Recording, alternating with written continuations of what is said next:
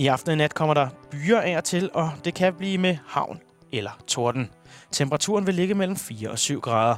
I morgen får vi først nogen sol og kun enkelte byer. Men i løbet af eftermiddagen bliver det skyet, og mod aften kan der komme regn vestfra. Temperaturen vil være mellem 7 og 10 grader.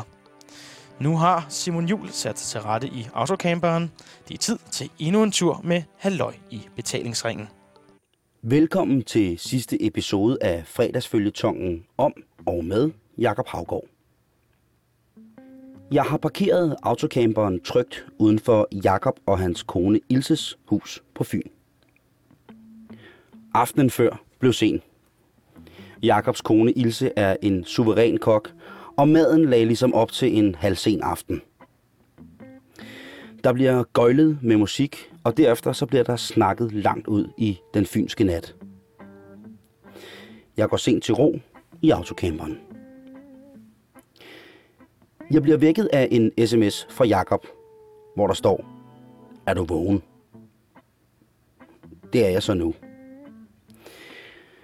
Udenfor camperen er der en tyk grå tog.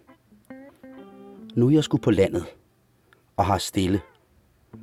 Stille og toget. Men på trods af den lave sigtbarhed finder jeg hen til hoveddøren og træder ind i Jakobs hus. Vores morgenmad tager lang tid.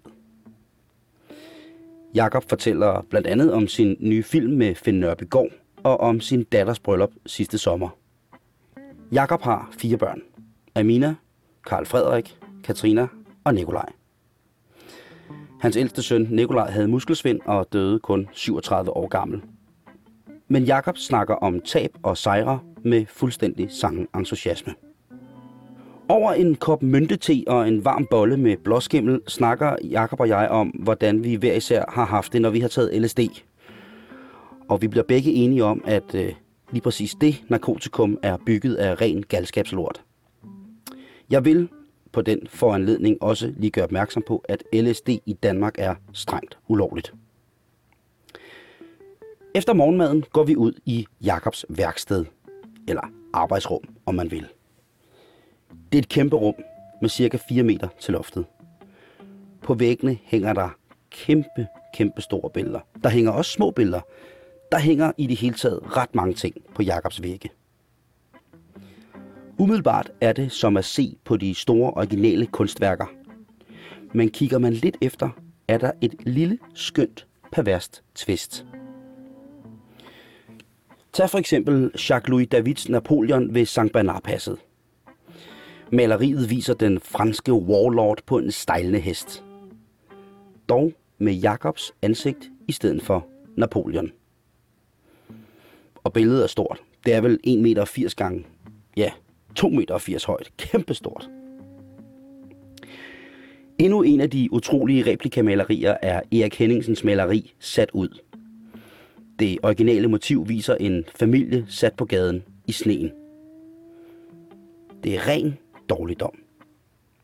Men her igen er alle ansigterne fra originalen skiftet ud med Havgårds eget. Udover at alle væggene er præget af, at Jakob elsker at hænge ting op, er rummet fyldt med, når ja, alt. Lige nu, der står Jakob og jeg og kigger ud på gårdspladsen.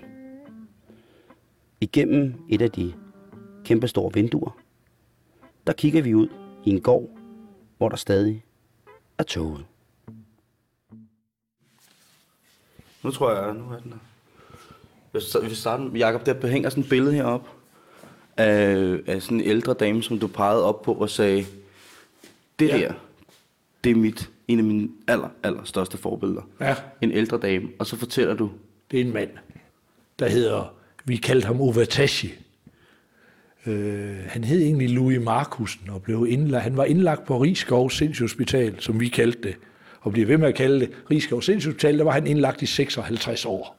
Og han blev 93 eller 96 år gammel, og han var kunstner og malet på alt, hvad fanden der kunne være. Og så var han, altså hvis folk de tror, at de ved noget om spooky mennesker og mystiske mennesker, og det meste af folk, der er underlige i dag, det er sådan noget meta. Det er hele tiden sådan noget med, at har folk nu lagt mærke til, hvor underlige jeg er, ellers kan jeg godt opføre mig lidt mere underlig. De her, de var 180 procent underlige. Han har dametøj på? Ja, han, øh, han øh, ville være en dame, og, og det, det vil man jo ikke. Han bliver vel indlagt første gang i, i slut 20'erne, først i 30'erne, så det er jo, det er jo det er en, en, en mand, der kommer i 1930 og siger, jeg vil godt være en kvinde, men altså, det, altså man, det vil man ikke tage stilling til. Men derhen i omkring der, da jeg bliver født, der først i 50'erne, der gør han i første forsøg på at skære sin tissemand af selv. Så det går han så i gang med, og det har jeg også nu. Jeg havde nogle beskrivelser, jeg ved ikke, hvor de blev af, men altså, han, så fortæller han også, hvordan han øh, så tog han sådan en spartel, og, og sådan en, en, en bred jernspartel, så prøvede han at og, og, og simpelthen kunne flå den igennem, men som han sagde, det, og han talte meget sådan distingueret, sådan, øh, der, der var ligesom sådan en plastikrør inde i, inde i øh, permediklen, kalder han det, ligesom det, der, det, der dækker på et ur. Så der, jeg kunne altså ikke få den af, og da jeg kom ud på gangen, og de så alt blod der, der kom de jo, ja, de kastede sig jo over mig og sådan noget. Men så siden så begynder han at arbejde på tømmerværkstedet, hvor han får fat i en, et, et høvlejern og så beskriver han det helt fuldstændig, som om hvis du klippede negle. Der er slet ikke sådan noget af af fra hans side. Han beskriver det fuldstændig nøgtern, hvordan han tager tissemanden, og det, et bræt ligger han under, så strækker han tissemanden godt ud og tager et papsøm og slår den fast i forhuden, så den er godt strækt ud, og så, så kører han lige det der høvlejern nedover, og så siger han, da han har fortalt det, havde jeg vidst, det var så let, så havde jeg gjort det for længst. Og så er han den første, der får en kønsskifteoperation i Danmark. Jeg tror egentlig allerførste. I dag i 50'erne. Der, og professor Strømgren, professoren, han sagde, Ove Tasje, uh, Louis Markusen, som han hed, Ove han skal, han skal have en kønsskifteoperation. Så han fik, blev fuldstændig lavet i stand til en kønsskifteoperation. Men altså, I boede, I boede lige ved siden af Hospitalet? Ja, der boede vi... Øh, jamen, der købte min far et hus i 1908, for der er ingen mennesker, der ville bo der. Og det var sådan et jo, øh, det er meget stort, øh, over 1000 indlagte patienter, 1500 ansatte. Der har vi boet lidt lige ud for hovedet hvor der var sådan store branddamme, hvis der skulle gå ild i det. Og øh, min far han købte et hus, jeg tror ikke, det har kostet 20-22.000 kroner i 1948, sådan en treetages hus med kæmpe haver fyldt med æbletræer og så boede vi der, og, vi boede, og i min familie, der har det altid været et slogan, der hedder, alt hvad der er billigt, det er smukt. Så der boede hele familien. Vores nabo, det var Fester Kis og onkel Valter med fem børn. Vi var far og mor med tre børn. Og ned, nogle fire-fem hus ned ad vejen, der boede Fabro Jørgen Taneva med fire børn. Og to gader derfra, okay, det var så på hen på en anden gade, der boede Fabro Axel med bedstefar og bedstemor. Og, øh, vi... men, men altså som barn, hvordan mødte du så de her sindssyge mennesker? Jamen, de sindssyge mennesker, de boede der jo. De boede dernede, og der, der var ikke nogen, der var ingen, der flyttede jo. Man flyttede ikke, øh, flyttede ikke dengang, og det, de, de var indlagt i 180 år, han har sagt. De var, der var fandme nogen, der havde været indlagt så længe, at de sagde Østrig-Ungarn, når man sådan talte om Europa. Så snakkede de om Østrig-Ungarn, og de var, og de var altid inde på den her lukkede afdeling, hvor man så skulle igennem to hold døre for at komme ind til dem. Altså, de var, de, det var fandme alvorligt det her. Man var sgu ikke i tvivl om, hvem det var, der var skør da. Altså, ligesom man, man kan gå nogle gange og tænke, er det mig, der er skør, eller er det dem, der er skør? Altså, det var man sgu ikke i tvivl om det. Og Uvatashi, han var helt... Øh, øh, helt forrygende verden, han havde. Fuldstændig sin egen verden. Han så stod op om morgenen, så havde han en papmaché-figur af en kvinde, der hed Lola med sådan sorte læber, og så sådan ører, der gik op i spidser, og sådan i en til en størrelse som han selv. Så tog han hende ud af skabet og lagde op i seng, og når han kom cyklen forbi vores hus, så havde han det der lange damehår der, og, og så havde han sine børn lavet af papmaché i cykelkuren foran, så kom han cyklen der, og og så, øh, som Kirkegaard, Søren Kirkegaard siger, der findes ikke større problemer, end man kan spacere sig fra dem. Så spacerer de. Det var den måde, de holdt sig sådan, fornemmer jeg, holdt sig sådan på plads kan man sige, eller holde de onde ånder. Det er jo tit sådan, sådan opfattede jeg det meget dæmoner og onde ånder, der var efter dem. Vi, vi drillede dem jo fandme. Det var jo sådan fast indslag i dagligdagen.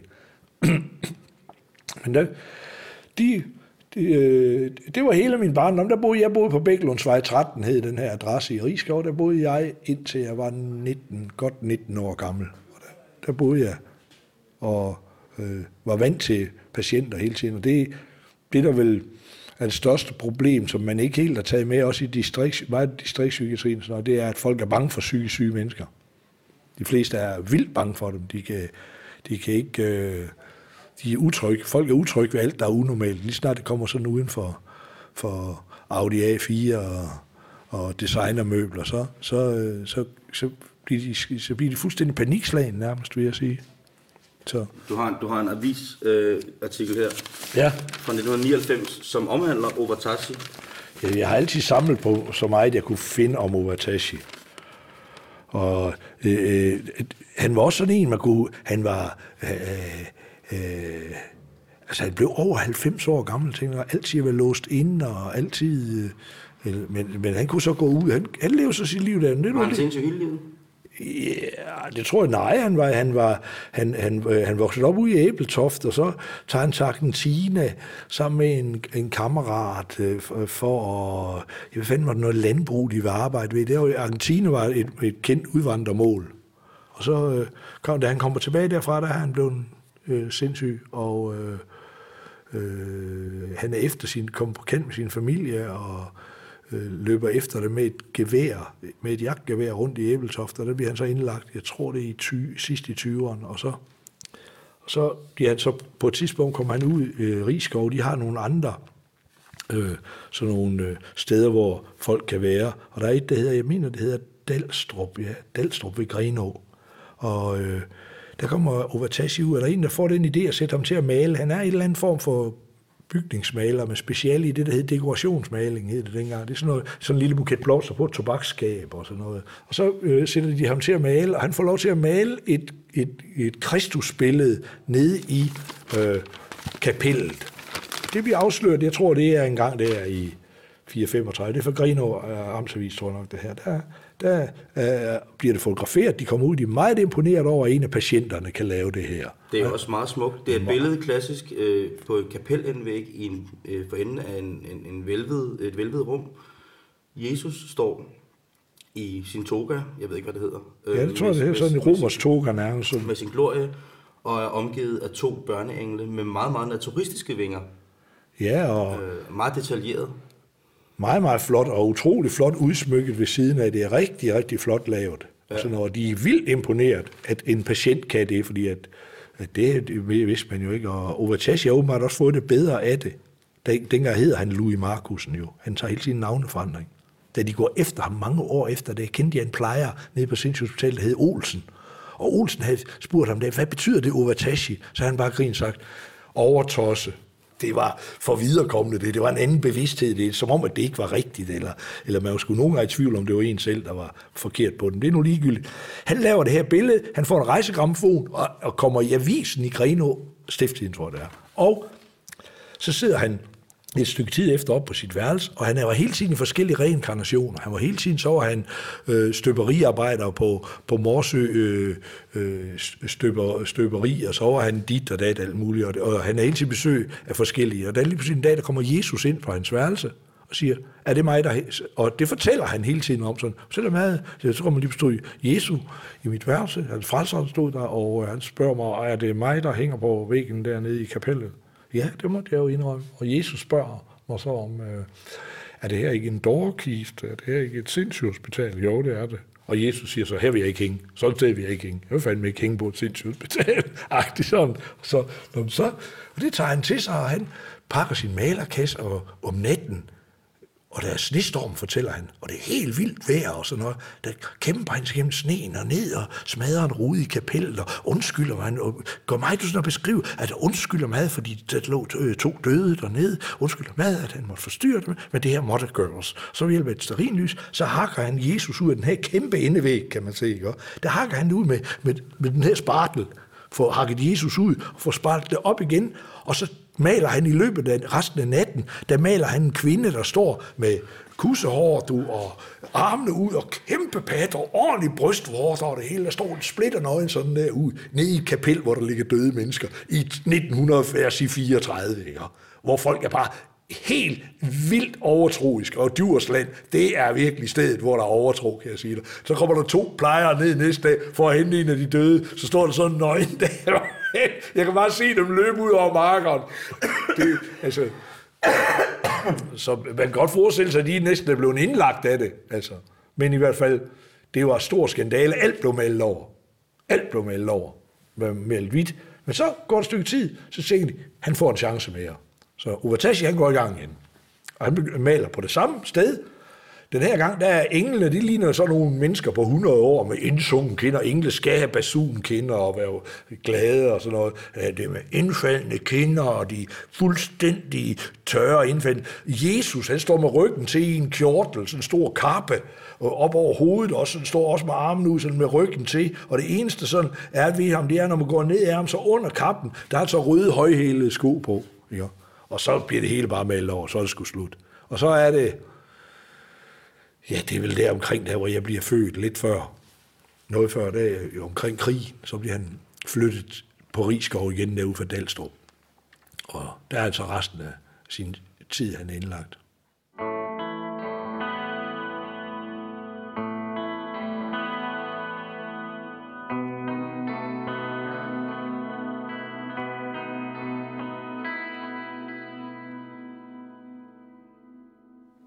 Du aldrig bange for de der sindssyge mennesker, der går rundt? Nej, det var man jo vant til. Det var jo, sådan var det altid. Der var altid mærkelige mennesker, og der var også nogen, man skulle, der var også nogen, man sådan skulle passe lidt på, eller man var sådan var mere utryg ved. Og jeg kan huske, jeg undrede mig meget over, og der var nogen, der blev hentet i Rolls Royce med privatchauffør. Og det kan jeg huske som barn, for vi var sådan hårdt arbejdende folk, der ikke havde lige enten de penge, der skulle til. Så kan jeg huske, det var da, det var da, jeg kunne da forstå, hvis vi blev sindssyge, fordi der var sgu da ikke anden en frikadelle til hver derhjemme. Men at have privatchauffør, så er vi sindssyge, det var godt nok upraktisk. Det tænkte jeg sådan som barn. Så hold så er sådan en flot en bil der, og så var jeg sindssyg. Det var godt nok, det var ikke rigtig nyde det. Og sådan noget. Men øh, de var alle steder. Der var et, jeg tror, der var 1100 indlagte, og så var der 1500 ansatte. Og alle rundt om, når man kørte ned, det, hed, det startede med at hedde Jyske Asyl. Og når man kørte ned ad asylveje, så alle, der boede til højre for asylvej, havde studentereksamen. Alle dem, der boede til venstre, havde ikke studentereksamen. Så alle dem, der boede til venstre, derovre, hvor vi boede, det var... Min, min, min mor arbejdede dernede med rengøring, men min far var, var tømmer. Øh, men ellers, alle dem, der boede derovre, det var plejere og sygeplejersker, der boede til venstre. De skulle have ikke studentereksamen. Alle, der boede til højre, det var psykiater og læger. Sådan var det sådan delt op. Det var så helt vandtætte skotter, men vi legede aldrig med de der børn over for den Og hvis de kom over, der var sådan en branddam, der lå lige nede foran, hvor vi boede. Hvis der kom nogen over fra lægeren derover og satte sig til at fiske salamander dernede og sådan noget, det gjorde vi meget i, at fange salamander. Så sad vi altid op imellem bjørnekløerne med en lille sten, og når vi kunne se, der kom en salamander op, så bare lige ned, bum, så var den væk, ikke? Og så, kom, så havde man den der klassiske stemme, som specielt drenge har, så slåsede vi hvem der var stærkest og sådan noget. Så, men men øh, det, det var ens virkelighed. Så rejste jeg til Færøen, hvor min mor er fra Færøen. Så rejste vi til Færøen. Så det, det hele ens virkelighed, det var sådan nogle helt mærkværdige mennesker, der gik rundt og grinede til deres forlorene tænder, de havde i hånden, og der kunne være sådan 20 meter høje bølger, og man kunne sådan være fanget i sådan en orkan i flere dage, lå man underdrejet, og så kom vi i skole, jeg husker, det var der, de begyndte at kalde mig en løgnhals. Så når jeg fortæller om, at det var lige der pædagog, man begynder det der med, at børnene, de skulle sætte sig op, hvor læreren sad. Og øh, de måtte ikke slå os, og der skete en masse ting der i 60'erne. Og så skulle vi så fortælle om, hvad vi har lavet i sommerferien. Og de fleste, de har bare været øh, ude på landet, eller øh, i Kolding på camping. Og så kom jeg der, så fortalte jeg så om, så, så lå vi først på vej deroppe af i to dage i 20 meter høje bølger, hvordan man kunne høre skibet sådan rutsche ned af bølgerne, og så åh, trak sig op af bølgerne igen og ned igen. Så lå det sådan i to dage, og alle folk var søsyge, undtagen mig og et par stykker mere, ud af flere hundrede mennesker. Og når jeg så endelig kom til Færøen, så sejlede min onkel mig ind under et fuglefjeld. Så tog han lige sit gevær og skød af op i luften. Så var der en million fugle, der landede lettet på én gang lige over hovedet på mig. Og så sagde jeg og fortalte alle de andre det, og ej, det var spændende, synes jeg. Og så, så fangede jeg simpelthen en kalvarfisk, hed det, øh, jeg tror hellefisk, eller hellefisk, en kæmpe fladfisk. Der var lige så stor som en sofabord. Den havde jeg fanget der. Jeg var ikke mere end 10-12 år gammel. Sådan en hjul på siden der. Og min onkel kom selvfølgelig og hjalp mig. Ja. Så, så de tænkte, at han er sgu sindssyg. Så jeg vendte mig til, det er jo, det er jo sgu ligegyldigt, om man talte sandt eller falsk. Det var der sgu ingen, der hørte på en alligevel. Og man fik nul i alt alligevel. Så det kunne sgu være lige meget. Det var. Så jeg synes, jeg følte mig meget tryg med patienterne. Jeg tror, jeg... Du begynder også at arbejde på Rigskov? Ja, altså vi begynder, da vi er, da man er 16, tror jeg, 15-16 år, der kunne, der kunne vi blive afløser i køkkenet, i den store opvask. Der skulle jo laves mad til, det var, dengang var det helt almindeligt personale, der spiste med. Der blev lavet mad til, jeg vil skyde til 2.000 mennesker hver dag. Altså, det var, det var sådan en trillebør mel, bare til meljævning. Det var helt vildt mængder. Og, ja, og øh, jeg husker, så, jeg, øh, så mødte man rigtig tidligt om morgenen, så skulle man skære 65 eller 68 4 rugbrød. De der store, de 68 rugbrød skulle skæres, og så 37 franskbrød. Og så skulle man smøre dem. Og det var sådan en speciel ting, så man med gøre det hurtigt, det der. Så skulle man smøre dem, og så kom de ind, og så blev der lagt øh, øh, pålæg på. Sådan noget. Det gik, det. Og så da jeg blev 18, så kunne jeg begynde at gøre rent. Så arbejdede jeg først på lager. Det var den første langhåret på Rigskov, der var ansat nogensinde. Fordi jeg gik ned, min mor sagde til mig, Jacob, jeg var enormt kokset og tjælt, så rigtig hippie. Øh, det var bare tung, tung, tung, tung i røven, det var jeg sgu. Så min mor sagde, du skal altså lave noget, så du kan lige gå ned i gardneriet og spørge, om der ikke er noget job dernede med det her lange hår, og jeg ring i øret, det lignede sådan en rigtig indianerhøvding. Så gik jeg ind til ham der, herr Rasmussen hed han. Rasmussen, jeg gik ind til Rasmussen, så, så, så siger jeg til ham, om der var noget arbejde. Ja, ja, fint, det kan du bare, bare komme ned. Hvornår skal jeg komme sådan? Bare komme ved ni-tiden i morgen. Nå, jeg gik så hjem, og jeg var der så helt ni, jeg tænkte mig, ellers nu må jeg skulle stramme mig an og sådan noget der var sådan en, jeg synes, jeg var fandme, der var et eller andet, der sådan ikke stemte helt, fordi ham der med høgenæsen, der var sådan en med en enorm, sådan klassisk sådan næse, ligesom sådan et næb på en fugl, ikke? Kæmpe næse, han gik altid rundt med sådan en benzindunk med saftevand i, og det, jeg mente sgu, der kunne det jo patienterne, der fik det. Og han kom dem sådan en krus, og jeg fik sådan noget ribine, eller hvad hedder sådan noget, saftevand, og jeg tænkte, man, så det til middag, så, så, så gik jeg op til ham Rasmussen der, så siger jeg, om jeg smutter hjem til middag, så kigger han på og siger, ja, hvilken afdeling kommer du fra? Så siger jeg, jeg kommer sgu ikke fra nogen afdeling, jeg bor lige oppe på Bækken, så er nummer 13. Hvad gør du, siger han så. Ja, Jamen, så er du gået og arbejdet en hel dag. Ja, og det blev, blev enormt flot, og det var faktisk ikke arbejde, så opfandt de et arbejde til mig. Så kom jeg på lageret, hvor man så kørte sodavand ud og bragt mad ud og kørte sådan en Land Rover med en lille vogn bagefter. Så kørte man rundt til alle afdelinger med mad og købmandsvarer og sådan noget. Det var, det var det er noget af det arbejde, jeg har haft sådan inden for sådan almindelig arbejde, jeg har været mest glad for. Og så rengøringen, hvor min mor var chef på. Og det er der, jeg, jeg kommer i nærheden af... af Overtasse? Øh, ja, jamen, ham kendte jeg jo hver eneste dag. Fordi han gik jo ud, ham lukkede man ud hver morgen. Han var sådan, han, han hoppede ikke på folk. Nej, så kom jeg op, fordi at jeg vidste jo, jeg, fordi at jeg boede ved siden af. Så det, jeg, jeg, kunne, jeg, kan ikke, jeg kan ikke så godt lide samfundssyge. Sådan nogle uh, cruel world og oh, goodbye og sådan noget øh, suicide mennesker. Det er jeg ikke så glad for. Jeg vil have nogle fem stjerne tosser, fordi jeg er jo også lidt specialist, når jeg nu har boet ved siden af i så mange år. Så jeg vidste fandme meget om, jeg kan kende en sindssyg på lang afstand, det kan jeg man godt love det. Så, så, så, og min mor havde problemer med at besætte en afdeling, der hed afdeling 46. Det var sådan en, hvor du låser dig ind af en dør og låser den bagved dig, og så låser du en ny en op, og så kommer du først ind på afdelingen. Og de havde, de havde sgu aldrig været uden for, for en dør der. Og de, øh, de fik simpelthen så mange piller, at man en eller to gange om ugen gav dem parfinolie, ellers så blev det til cement inde i, de kunne simpelthen ikke skide. Det blev simpelthen til cement inde i, i kroppen på dem, så meget, så meget kalk var der i de her piller, de fik, at de kunne slet ikke komme af med det. Og der gjorde jeg rent, der havde jeg, havde jeg vel, det er det længste arbejdsforløb, jeg har haft. Jeg tror, jeg var ansat i 7-8 måneder, hvor jeg kom hver dag på arbejde. Og øh, jeg elskede de der kvinder der. Hvor gammel var du der? Ja, der har jeg så været 18 år vel. Så det var der, hvor du drak og var tjal? Ja, ja, jeg kunne godt sådan gå lige fra et LSD-trip, og så derud, så synes jeg, jeg forstod det fuldstændig, hvad det var, der foregik. Så må jeg sådan komme ind på afdelingen, stod der sådan en, der hed Gerda. Hun blev en sindssyg af at se det her udløste, det jo fuglen af Hitchcock. Så var sat ikke, hvad fuglen er henne Hun gik helt badut. En af de anden ting var, hun var 35 år gammel. Hun lignede Marilyn Monroe på en prik. Hold kæft, hun var flot, og alle os mænd, der gik på afdelingen, blev bare helt med.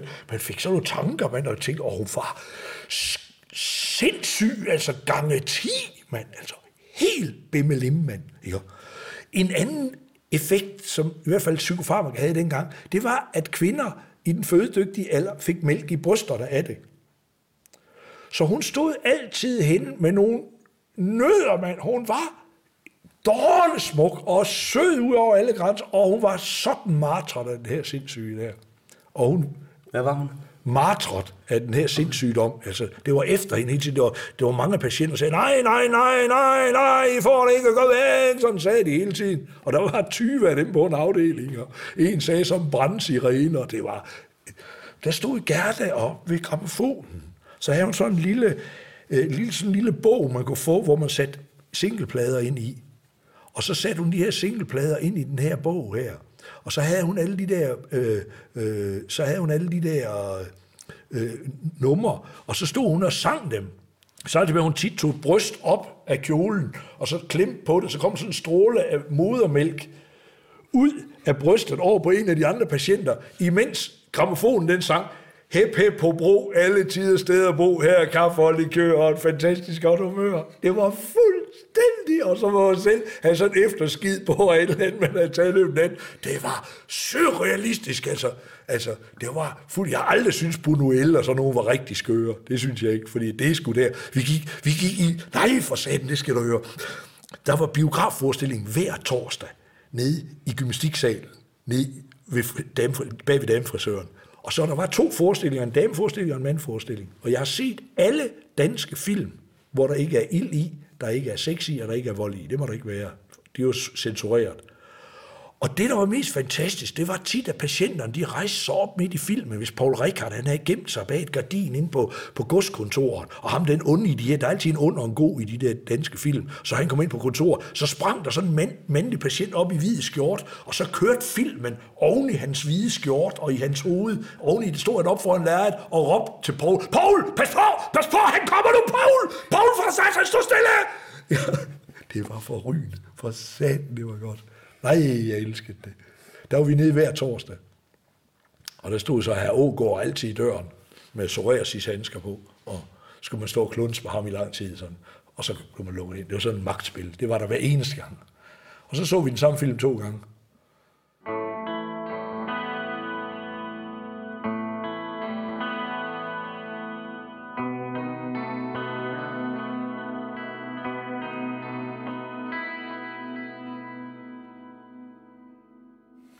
Du har, du har givet mig en bog, Jacob, Ja, som hedder Virkeligheder. Og øh, det er en bog, som du har udgivet første gang i 1977. ja. Og øh, på forlaget Charlatan, eller hvad? Ja, ja det, det gik ned over hjem, så jeg havde kun indmad i natten. Der havde jeg en, jeg havde gemt. Og så fik jeg den trykt op i sådan en kopiforretning. Og så- lavede jeg et omslag, hvor jeg så forklarer det der. Men der kan jeg blandt andet, øh, så, den er skrevet i min håndskrift. Så jeg kan sige, at det er mig, der har skrevet bogen. Men så, Det er en meget, meget sirlig, pæn håndskrift. ja, og så sagde jeg simpelthen, og så sagde jeg røg has, og så sagde jeg som en munk, og så skrev jeg den ene bog efter den anden. Jeg ved ikke, hvor de er henne. Og Men det er så en af dem, der... Du har skrevet ned, øh, du har skrevet øh, det folk, nogle af de patienter. Altså det, du har skrevet ned, er det Ja, ja, det er patienterne, der så, så, så kunne jeg lokke nogle af patienterne til at gøre rent. Og så, så sad jeg, og skrev ned, hvad de sagde, nogle andre. Og det var de helt med på. Altså, jeg kan godt sige dig, det var, de var, vi havde det så godt sammen. Da Christa, hun døde, sådan en med rigtig stærk briller, hende måtte du aldrig sige noget sjovt til. Fordi så stod hun altid sådan og hoppede så stille på stedet, og så kom sådan en stor sø af tis rundt om, og så skulle der bare ryddes op hver gang. Men, så man gav bare ikke sige noget. Men Christa hjalp mig altid i køkkenet. Det var sådan et sted, hvor du, man talte alt serviset hver aften, i et fængsel og sådan noget. Så, men der stod jeg på hendes natbord, da hun døde, et billede af mig. Det var, det var, de var fantastiske. Jeg elskede dem, de der kvinder der. De var virkelig søde og sikke et liv. Men for eksempel her, der skriver så virkelighed nummer et. Det var Edith. Virkelighed nummer et, den lyder sådan her. Spisevane tre gange hver 6. uge. Spisevanskeligheder i højre kæbehule. Pigtrådsplint i hjertet. Klar til operation. Dut færdig. Luften kan ikke opfagne evnen til at gøre noget. Forbilledet af Jesus af mig selv. Udviskes af toilettet aldrig. Hypofysen går i stå en gang imellem. Blodet kan ikke løbe til hjernen kun hver femte år. Maden virker med nye stofting. Medicinen gør mig træt. Nu er pigtrådsplinten vendt sig. Så den eneste form for litteratur, der er i det, det er den pigtrådsplint, der lige pludselig vender sig hernede. Og så kører hun bare videre igen. Han er født den 9. juni og 26. september. Han har, han har septikalom. Han har harskår ved øje af flaget. Jeg har selv harskår på hånden, også fra flaget. Min mænd har et harskår på overlæben. Registrets flag, som ejer sig professoren nu. Tendens til at spise og drikke er ikke overordentlig stor. Jesus har det ikke så godt. Seks menneskeliv er i fare her på afdelingen på grund af familiefejltagelser. Fællesmarkedet, pinden, tog, ni ier. Om hun skal have halsbånd på, om der skal bruges 10.000 watt tamponer, så skal den ud. Guldtang, vi hopper over det. Det er, det sagde jeg så, og det var så fordi, jeg så, når jeg så håndskrev det, det var, det var så ideen, jeg skulle håndskrive nogle bøger. Så, så kom man jo længere og længere ind i det. Og, men det jeg ved, skizofreni er en dobbelthed. Det, det er sådan ligesom, at øh, øh, de vil aldrig sige, i mit syge hjerte. Den anden, der er med i bogen, Ida, hun sagde altid, i det syge hjerte, i mig selv. Så Ida, det er hende, der... Ida er der her på bagsiden her. Nå. Hun sad, hun sad, jamen, hun sad spændt fast i en menneskealder. Altid med maverem og fodrem. Og så nogle gange, øh, hvis hun gik fri, og hun blev sur, så skulle der fire voksne mænd til at holde hende. Og så drak hun tis og spiste lort. Og det var ligesom mig, der for, at så havde hun os, os der arbejdede der. Og der kom sådan en helt ny sygeplejeelev, og hun lige tog sådan en kugle op af lort, og så lige hun tog et bid af det ligesom et æble. Så brækkede de sig lige på pletten foran seng, og så følte hun jo, wow, det kører rigtigt for mig. Hun ser meget sød ud. Ida var fantastisk. Det er øh, bagsiden af... Ja, det er taget mange år efter det her billede, her hvor jeg kom ud og optræde for dem. Og hende, øh, hende øh, øh, hun sad der i den der seng altid, og, øh, øh, og, og kiggede. Hun havde vist fantastiske brune øjne. Jeg var fuldstændig... Jamen, jeg elskede hende simpelthen. Altså, sådan på afstand, ligesom, eller hvad kan man kalde det, jeg ved ikke, hvordan man siger, det er jo mærkeligt at, at være vild med en kvinde, der sidder spændt fast i en seng og, Og spiser lort. og spiser lort. Og jeg blev rigtig gode venner med hende, fordi hun drak også altid tis. Og så kommer den første dag, så den næste dag kommer op, så ser hun igen og drikker tisse, og siger er det det samme glas, du drikker af, som du drak af i går? Ja, så, så det, ah, ved du hvad, det er sgu noget svineri. Det er simpelthen, det er under, det er under lavmål, det her. Men altså. Så jeg gik ud og hentede et frisk glas, og hældte det der tis over i det nye glas. Og så drak hun det. Sådan skal det gøres. Jo, så er det, så kunne hun bare drikke videre. Og så ligesom om, at jeg havde afmonteret den, den enorme kraft, der er i at sidde og drikke tis lige op i hovedet på et andet menneske. Og jeg glædede mig simpelthen sådan hver dag, til jeg skulle ind og vaske hendes sengestue. Hun sov på en stue, hvor var det 1, 2, 3. Har det været otte mands stue eller sådan noget? Altså, der var fandme ikke meget øh, privatliv sådan et sted. De spiste for eksempel alting. Alt, hvad du gav dem, det spiste de. Og, eller kom der op i skeden. Det kan også tit være sådan, hvis der er nogle af de her underlivsproblemer. Så, øh, så øh, når de kom ind og blev røntgenfotograferet, så havde de fire medicinglas og tre bælteknapper og et brækket dansk flag op i skeden. Fordi så kunne de have det for sig selv. Ellers så kan man jo ikke have, Det forstod jeg ikke til at starte med, men det kunne jeg da sagtens se. Det var den eneste måde, de kunne have det for sig selv. Der var en anden patient, jeg gav en dåse Nivea-creme, den nåede hun med det samme. Fordi så havde hun den for sig selv, så ville de andre jo tage det fra hende. Men altså, som sagt, når jeg så kom ind og vasket på stuen ved Ida, så hende, de der brune øjne, de fulgte skrubben hele tiden. Det var sådan noget brun linoleum, der var helt blevet helt hvidt med årer. Og så når jeg kørte den der våde klud henover, så blev det helt mørkebrun, så det blev rigtig flot. Og jeg kørte derhen, og jeg, og jeg skide god til det, og jeg kunne sådan få kluden til at køre rundt og lande, hvor jeg ville have den. Og så, og når jeg så var helt færdig med at, at vaske gulvet, og det var helt færdigt, så var ligesom hendes øjne, de hvilede ned på skrubbehovedet, der på gulvskrubben. Og så gik hun lige op og skaftet over mine hænder, og så kiggede hun mig lige i øjnene, så sagde hun, tak for turen, Otto. Og det var ding, det var sådan, det var, men, og det, det, det, slutter bogen af med det her, tak for turen, Otto. Og så er der, øh, er det et efterskrift, eller er det et, af, et andet afsnit? Det kaldes et skizografi af P.O. Brandt, efterskrift til virkeligheder. Det var nogen, der fik ham til at lave. Er det ham, professoren i semiotik? Ja. Og det er så, som jeg så skriver. Altså, jeg synes, at Per O. Brandt, han har skrevet et efterskrift, og det udmærker sig ved at være lige så svært tilgængelig som patienternes udsvævende tekster. Jeg forstod ikke, ikke en lyd af, hvad der var. Vi var meget stolt af den her bog her, og har gået og gemt det her indhold hele tiden. Og det er en fantastisk virkelighed nummer tre. Nå da, Helga, men det er godt for bønderne, kaffebønderne. Hun blev kvalt under en stor dyne med reb om. Det gør jeg. Tre kopper kaffe til Johanne på Grå Mølle kl. 2.15, som er Eva Marie Thorsen, for det er kun tjenestepigen, der må det. Hun skal være oberstløjtnant. 30 tons appetit eller sult til Pjenser Ida Lagen. Almægtighed til mit navn, det hedder Laura Laurine Smed Koster, kun lever hjem Nybo, begævelse til turen, 19 millioner skønhed til krøllerammen, et særligt pænt spil, spejlbillede til folkenes side, og det driller en gang imellem og vrinsker og stikker nålen i det syge hjerte i mig selv. Og når man så har skrevet det her ned mange gange, det er en af bøgerne, der så er blevet kopieret, så begyndte man at finde ud af, hvad hun siger. Fordi at når du er skizofren, så er det, så er det jo to ting. Så de, de stod tit, så der også op på afdelingen to sig selv, sådan i hovedet, og sådan, er det mig, der står her? Og næv sig i kinderne. Ja, og sådan, ja. Og, og så det, hun siger, sådan, øh, når hun siger, så har hun helt bøvl med sådan noget med, at jeg er meget taknemmelig. Det bliver så til 19 millioner skønhed til krøllerammen. Det betyder, at hun er glad for tørhjelmen, krøllerammen, fordi den giver et særligt pænt spejlbillede til folkenes side, og det driller en gang imellem og vrinsker, og stikker nålen i det syge hjerte i mig selv. Ikke i mit syge hjerte, men i det syge hjerte i mig selv. Og så lige så forstod man noget af det, de skrev. Når jeg sådan sad og, og, og hånd, jeg håndskrev en 10 stykker, tror jeg. Jeg ved ikke, hvor de er henne i dag. Men øh, det, det, det, det, sker, det er jo så rigtig kunst. Det kan jeg godt lide. Kom, kom du tættere på, på, på Ovatashi, da du så kom ind bag væggen? Nej, når Ovatashi var Ovatashi, der var, ikke noget, der var sgu ikke noget, det, det blev du ikke... Øh, han var sådan tryg ved dig, det var fint. Øh, han malede på alting. Øh, han malede altid på bagsiden af alle billeder, fordi ellers kom motivet efter dig. Det var en fast ting.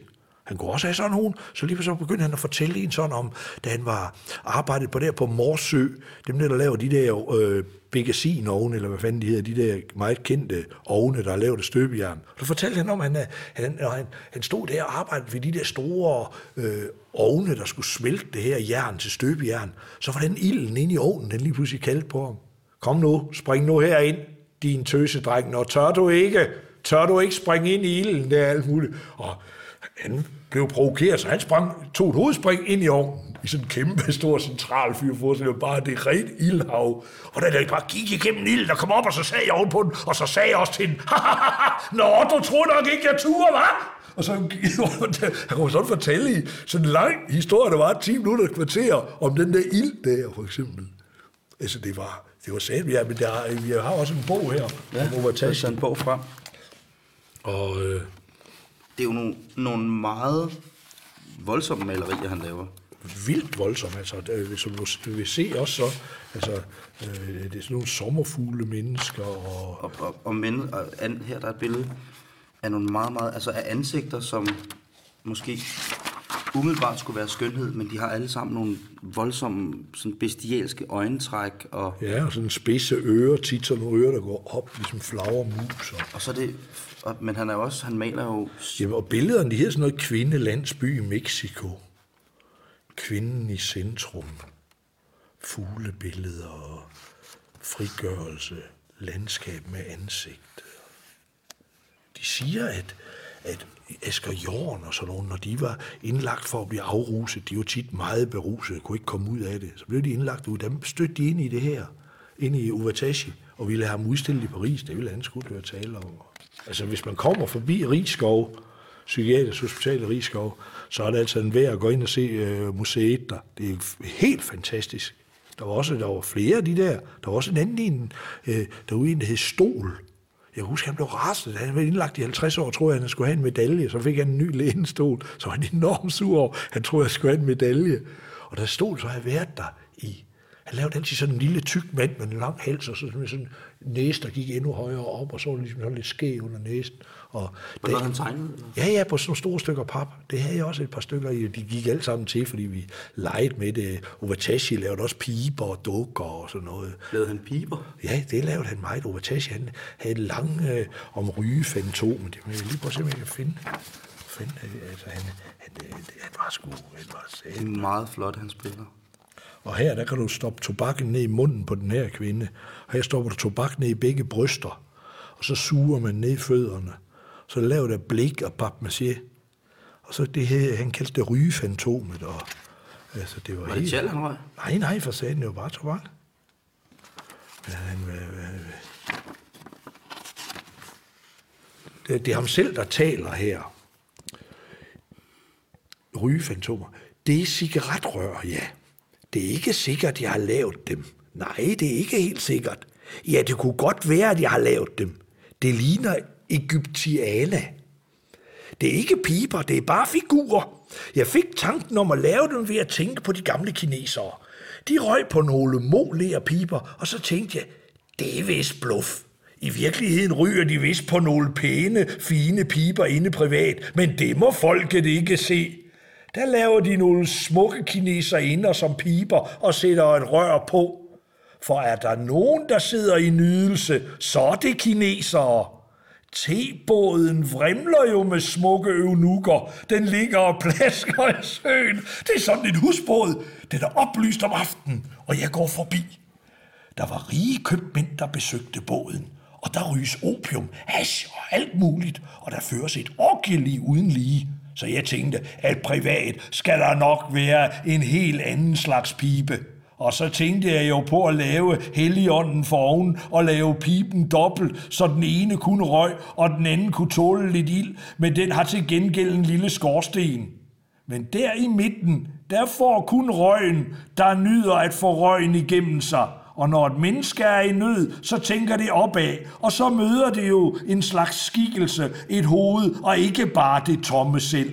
Jeg synes det, og jeg ved det, at der dog var et ansigt. Jeg råbte det. Det var en kineser, jeg brændte, og jeg var helt fortvivlet og råbte, jo, jo, jeg bliver den og den, men vedkommende brænder, vedkommende er ild. Og jeg sparker døren op, og der udenfor, der er der et lynvejr.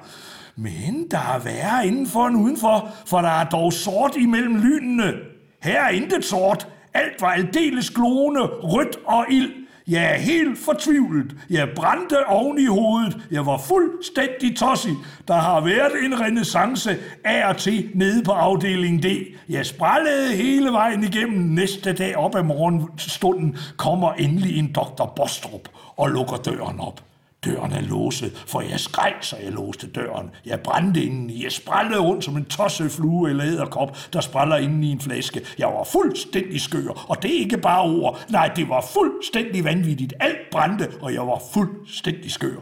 Så lukker en doktor Bostrup døren op og siger, hvad er det, hvad er det så galt? Jo, det er, åh, de vil se mig, Dr. Bostrup. Åh, jo.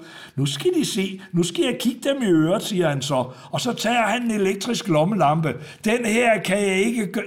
Det her, det kan jeg ikke gøre godt. Men nu får jeg jo at se, hvad der er med øret. Deres trommehinde er nedbrudt. Jeg kan kigge dem helt ind i hovedet, siger han så.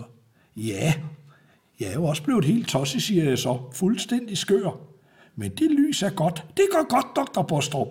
Nej, det kan ikke gøre godt. Det er jo lys. Kun lys og få lys ind i hovedet. Jo, det lindrer og gør godt, doktor Bostrup. Jo, jo, nu skal vi komme mig. Nej, nu skal jeg komme mig. Og doktoren går igen og giver mig, jeg ved ikke hvad, et eller andet til at sprøjte i ørerne. Og det gik godt, jeg kom mig. Det var en doktor Bostrup. Han er den allerførste, der kurerer mig, da jeg var fuldstændig skør. Der er fanden hakket med knald på, mand. Det er Ovatashi. Altså, han, er sku, han, var, han var fandme speciel. Og så, og så blive over 90 år gammel. Liv, det er godt nok svært sådan lige at sætte på en formel. Eller nu vi snakker om, hvad er komik og sådan noget. Det her, det var eddermame sjovt, hvis man turde tage den brille på. Det var helt vildt.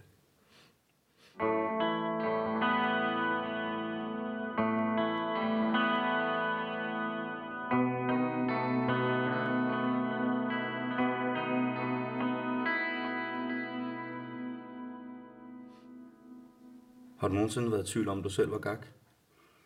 Ja, det troede jeg, jeg var en overgang. Jeg var øh, på et tidspunkt, øh, havde vi fået i hovedet, at vi skulle spise LSD. Og LSD er det stærkeste narkotikum, der findes hvor man kan sige, hvis man tager heroin og kokain og sådan noget, så virker det egentlig altid på samme måde. Man ved nogenlunde, hvordan det er. Så kan det så være noget tilvænning og sådan noget. Men LSD, det er godt nok den, det er den største og den dybeste af skufferne, når vi taler om narkotika. Og det er meget, meget farligt. Jeg kan ikke foreslå folk noget af det. Men der bor jeg et sted i lang tid, hvor der er nogle englænder, der siger, at de er tæppehandlere.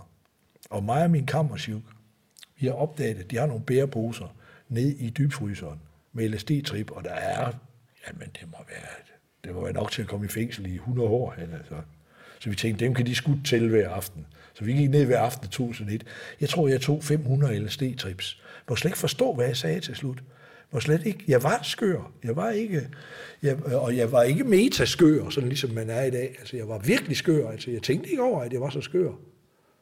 Så kunne jeg sådan, og så kunne mit liv være fuldstændig optaget af, at jeg for eksempel havde læst i avisen, at øh, rygning og ryge cigaretter, det var et udækket suttekompleks. Man har ikke fået bryst nok, da man var lille. Og så gik jeg rundt ind i Aarhus, og jeg lignede sat med man sådan en blanding af en indianer høvding, og så en, et udsnit af en kirkens korsagerforretning, sådan en bunke tøj bare, der gik rundt der. Så gik jeg rundt, og så gik jeg hen til damerne, specielt kvinder med en stor byste. Og så gik jeg hen og sagde til dem, undskyld lille fru, der er ild i deres bryster. Og så lå jeg bare nede på gaden og grinede helt vildt. Ah, ah, ah, jeg var helt væk, hvor de synes, det var sjovt. Og de fandt, jeg var... Altså problemet med det meste misbrug, det er, at man sætter jo ikke folk ind i ens mellemregninger. Det er for eksempel også det farlige ved at ryge has. Det er, at man tænker 100 gange, så siger man noget igen, så folk de ved ikke, hvad fanden snakker du om. Jeg, jeg var ligesom tilskuer til mit eget liv. Jeg kan godt se, hvor ked af det de var på min vej, når de så mig. Altså, det, jeg, jeg kunne ikke helt forstå, hvorfor de var så ked af det, for jeg synes jo egentlig, at jeg var blevet rigtig kunstnerisk. Jeg var i hvert fald blevet uforståelig. Og det har min far altid sagt, det var kunst. Hvis man ikke kan forstå ting, så er det kunst. Ellers så er det bare kunsthåndværk. Alt, alt det meste af det kunst, der laves i dag, der ligner noget, det vil han kalde kunsthåndværk. Det er ikke kunst. Det er ikke kunsthåndværk. Har du været indlagt? Nej. Nej, for sig, det er jo, det er jo det er noget, der... Mange børn, de siger, mange børn, de siger, at deres forældre og nogen i familien, de har truet dem med at komme på børnehjem. Det var ikke den ting, der var. Det værste, der hvor jeg, når man boede der ved sin hospital, det var, at man ikke blev indlagt. Så det, det var det største. Det var bare at sørge for ikke at blive indlagt. Og øh, da jeg holder med at drikke for knap 20 år siden, øh, der er jeg, der har jeg fået et nervesambrud. Jeg er gået fuldstændig ned om og hjem. Og jeg tager bare telefonbogen. Og, og jeg havde udsigt ned til alkoholambulatoriet, som det hed, fra min, mit barneværelse. Hvor de stod i kø nede hver mandag for at få anden til bus. Så ringede jeg, jeg slår under A, og så, så stod, så, men så var det en søndag, så var der kun en telefonsvar, så jeg kom ikke i kontakt med dem. Der var jeg klar til at lade mig indlægge. Jo. Og så var det bare et helt tilfælde længere ned, så stod der AA, anonym alkoholiker. Så ringede jeg til dem, det var, og det var de eneste, der tog telefonen. Så det var, det var derfor, jeg, så kom jeg sådan min sotakur. Men ved ellers, jeg har aldrig blevet, jeg har aldrig været indlagt, jeg har aldrig været i behandling. Vi lavede det der liv. Der var sgu mange, der døde af det. Det var vi heller ikke ked af. Sådan, hvad fanden, det var prisen for at leve så, så vildt, som vi gjorde. Så tog vi ud øh, syd for Aarhus, der vidste vi, at der var nogle marker med de her, der hedder psilocybin-svampe, sylper. Så, så samlede vi sådan flere spande fuld, tre, fire hele sådan guldspande fyldt med de der sylper. Og så man tager sådan en håndfuld, så kommer man en del ned med rimeligt derudad. Altså, så fik alle sådan en oven i billetten. Hold kæft, mand. Så stod vi op på, mens orkestren de spillede, og jeg havde det her sofamanie samtidig så. Min bror og alle sammen, de stod så op.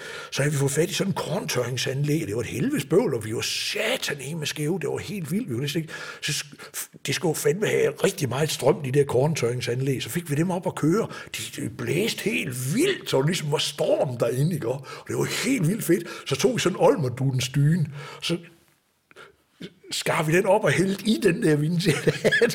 så der var fjer overalt, og så stroboskoplys på de der fjer. Ja, men for sagen, vi var fuldstændig hallucineret.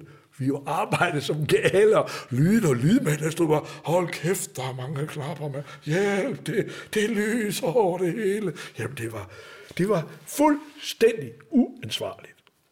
Og gud, hvor var det sjovt. Det var da helt vildt morsomt. Der er en del øh, billeder.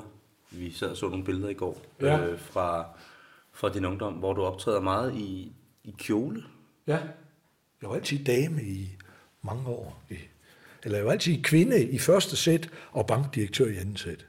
Og jeg gjorde egentlig ikke sådan... Jeg feminiserede ikke mig selv. Jeg var ikke sådan, ah, der, sådan, ligesom man forestille sig, hvis en mand skulle spille kvinde. Det var jeg overhovedet ikke. Jeg var helt dags alle sammen. Ja. Så har jeg lært mig selv at gå i nogle vildt højhæle, pisse smart sko, med virkelig flotte ben, jeg har. Og så øh, min kones BH i med undertøj, så fik en ordentlig nødder, og så en så højhalse, som man ikke kunne se, det var en mand, og så læbestift og godt barberet ned og sådan noget.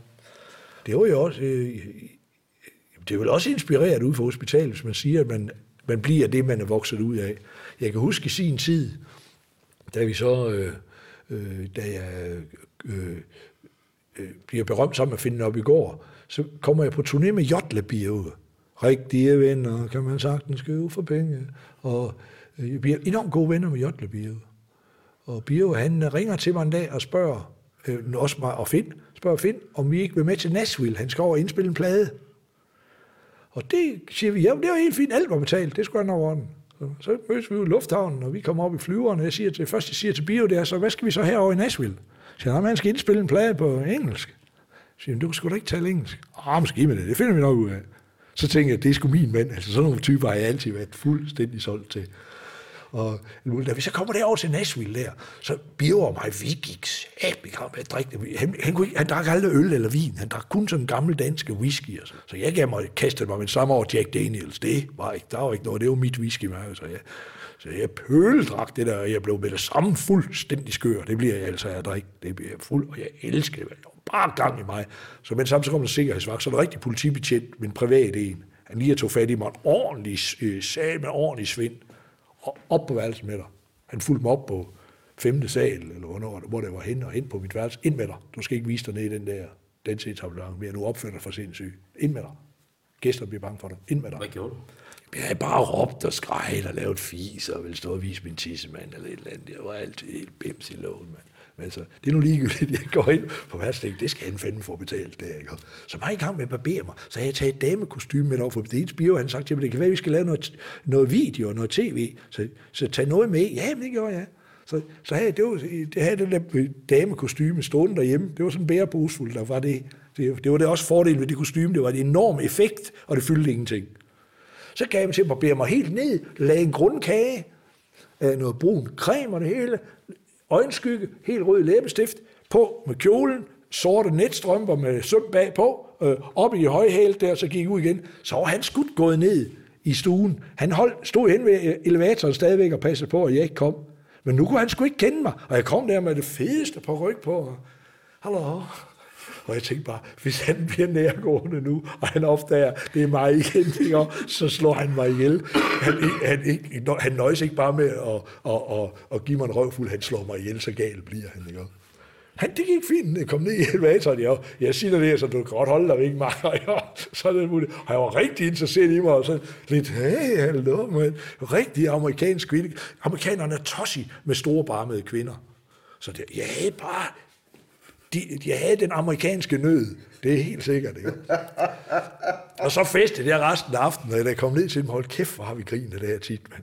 Og det er langt om længe, 3-4 timer efter blev afsløret, fordi jeg var ude i en hæftig vals med, med Kalle, manageren der.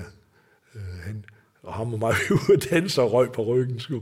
Så, så kunne de sgu ikke lade være med at grine, så, så var den hjemme. Ikke? Men, men den historie, den, det eneste vi kan huske, det er det ufornuftige, vi har lavet. Så mange af mine historier, det er jo sådan noget, hvor man tænker, Gud fri mig vel, det kunne jo være ind med døden. Ja, men det er ind med en sjov historie, i stedet for, eller en tankevækkende historie, kan man sige. Ja. Men, øh, men øh, det er da, når, når, sådan, når sådan springer ud og siger, jamen er du aldrig ved, ved, ved at blive indlagt og sådan noget? Ja, nej, fordi det vidste jeg jo godt, hvordan man blev indlagt. Du bliver jo ikke indlagt, fordi du er skør. Du bliver indlagt, hvis du er til fare for dig selv eller andre så kan du ellers være lige så skør, du er, vel. Det er der ingen, der hænger sig i. Du, du må bare ikke begynde at rykke i dine omgivelser, eller prøve at tage livet af dig selv. Så, så kommer det.